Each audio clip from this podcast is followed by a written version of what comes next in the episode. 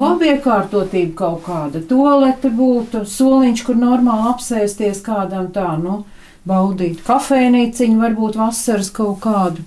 Agrāk te taču klasiņš ar man liekas bija savā laikā, ka varēja nopīt, nu tāpat kā lielajā tirku, jā, tāds.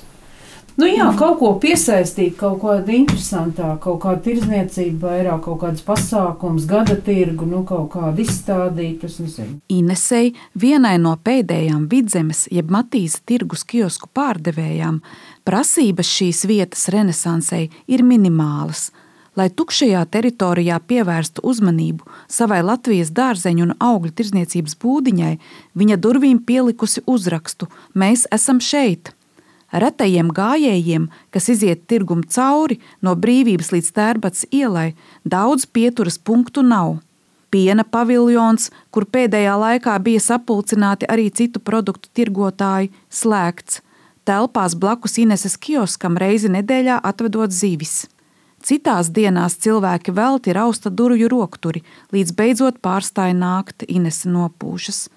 Kompanionam Ivaram kas piepalīdz kioskā, gan prāts nesas uz jokiem.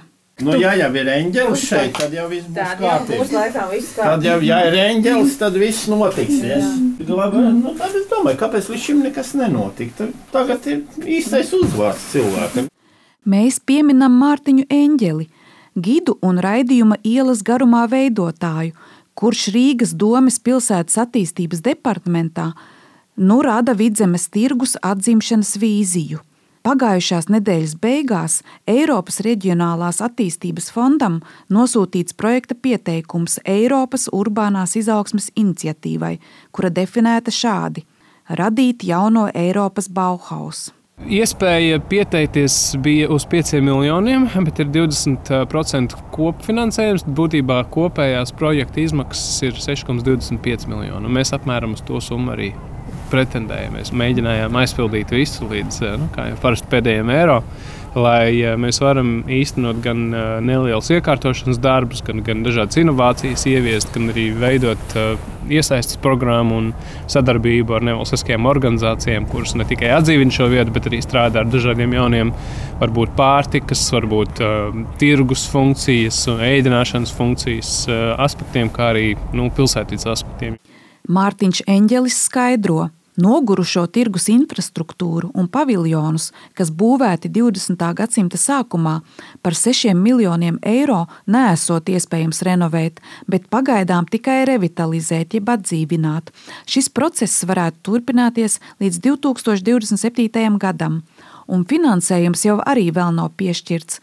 Par jaunā Eiropas Bauhaus konkursa rezultātiem uzzināsim jūlijā. Pirmkārt, nauda būtu jāiegulda, lai panīkusī 20 000 km2 lielā teritorija kļūtu zaļāka, košāka, piesaistošāka. Otras lielākās investīcijas prasa piena paviljons, lai tur atgriežas tirgotāji, lai tas būtu siltāks un mājīgāks. Pusi šī paviljona paredzēts pārvērst ēdienu kortā ar Rīgas Tehnisko universitāti un telekomunikāciju uzņēmumu TET notiekot sarunas par dažādām inovācijām, gan digitālajām, gan zaļajām, stāsta Eņģelis. Bet mēs saprotam, ka šāda teritorija nevar izdzīvot tikai vienīgi ar tirgu, un, un tāpēc mums vajag gan arī šo zaļo klātbūtni. Tā tad tā būs varbūt vēl viens atdaļa, zaļa telpa, kurā tu vari atrasties pat tad, kad viss ir slēgts. Tā kā parka zona. Tā kā parka, tā kā tāds mini skvēriņš, mikroskvērs.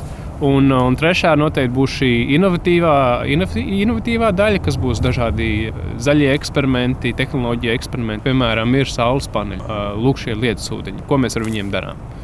Un ceturtais būs šī iesaiste, kur sabiedrība nāk un viņi piedalās gan dažādos kultūras notikumos, bet arī piedalās kā veidotāji.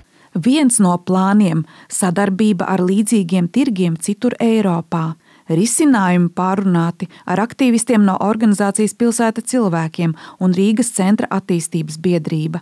Tāpat kā centrāla tirgus, arī vidzemes tirgus nesen nonācis Rīgas pašvaldības kapitāla sabiedrības Rīgas nami rokās.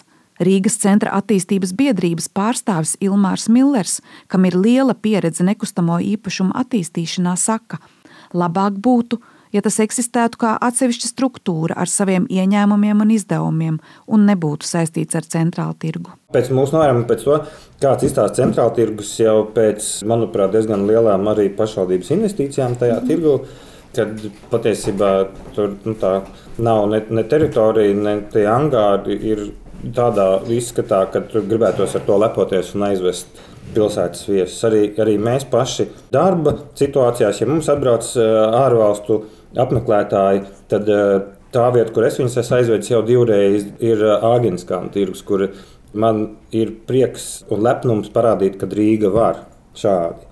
Uz centrāla tirgu esmu vedis rādīt par to, lai viņi saprotu, kas ir padomi mantojums. To gan es esmu vedis rādīt centrāla tirgus kompleksā ar uh, to Staļina augstceltni. Tas viss veido tādu labu stāstu par to, kāpēc Rīga ir varbūt tik skumja, kā ir. Ja? Mm -hmm izstāstīt par to, ka Latvijā nebija padomju periods, bet bija padomju okupācijas periods, ko cilvēkiem no rietumiem ļoti bieži nu, jūka. Bet Āgenskalna tirgus nomnieks Sijā Kalnciema iela īpašnieks Kārlis Dambergs ir pragmatisks. Tirgu situāciju Rīgā objektīvi raksturo fakts, ka uz Āgenskalna tirgus nomas tiesību izsoli Viņa uzņēmums bija vienīgais, kas pieteicās. Teiksim tā, nav bijis ārkārtīgi vienkāršs tas viss process, kādam mēs esam gājuši cauri. Ne tikai no vēsturiskās sēkas atjaunošanas viedokļa, bet arī no, no tirgus darbināšanas, kā no saturiskā. Un uh, ir tā, ka tie tirgotāji vairāk viņu nekļūst, šie nelielie tirgotāji. Un uh, faktiski, teiksim, nu, viss tā lielveikalu invāzija un attīstība ir tik, tik spēcīga, ka tiem mazajiem tirgotājiem ārkārtīgi grūti ir izdzīvot. Līdz ar to mans personīgais viedoklis ir, ka Matīs tirgam tur ir pirmkārt jābūt kaut kādai, nu, ārkārtīgi skaidri definētai tirgus atjaunošanas vīzijai pašai. Tie, tieši fiziski kādā veidā tās ēkas var savest kārtībā. Vidzemes tirgus atjaunošanas termiņš pat laban ir 2035. gads. Ieva Puķa, Latvijas radio.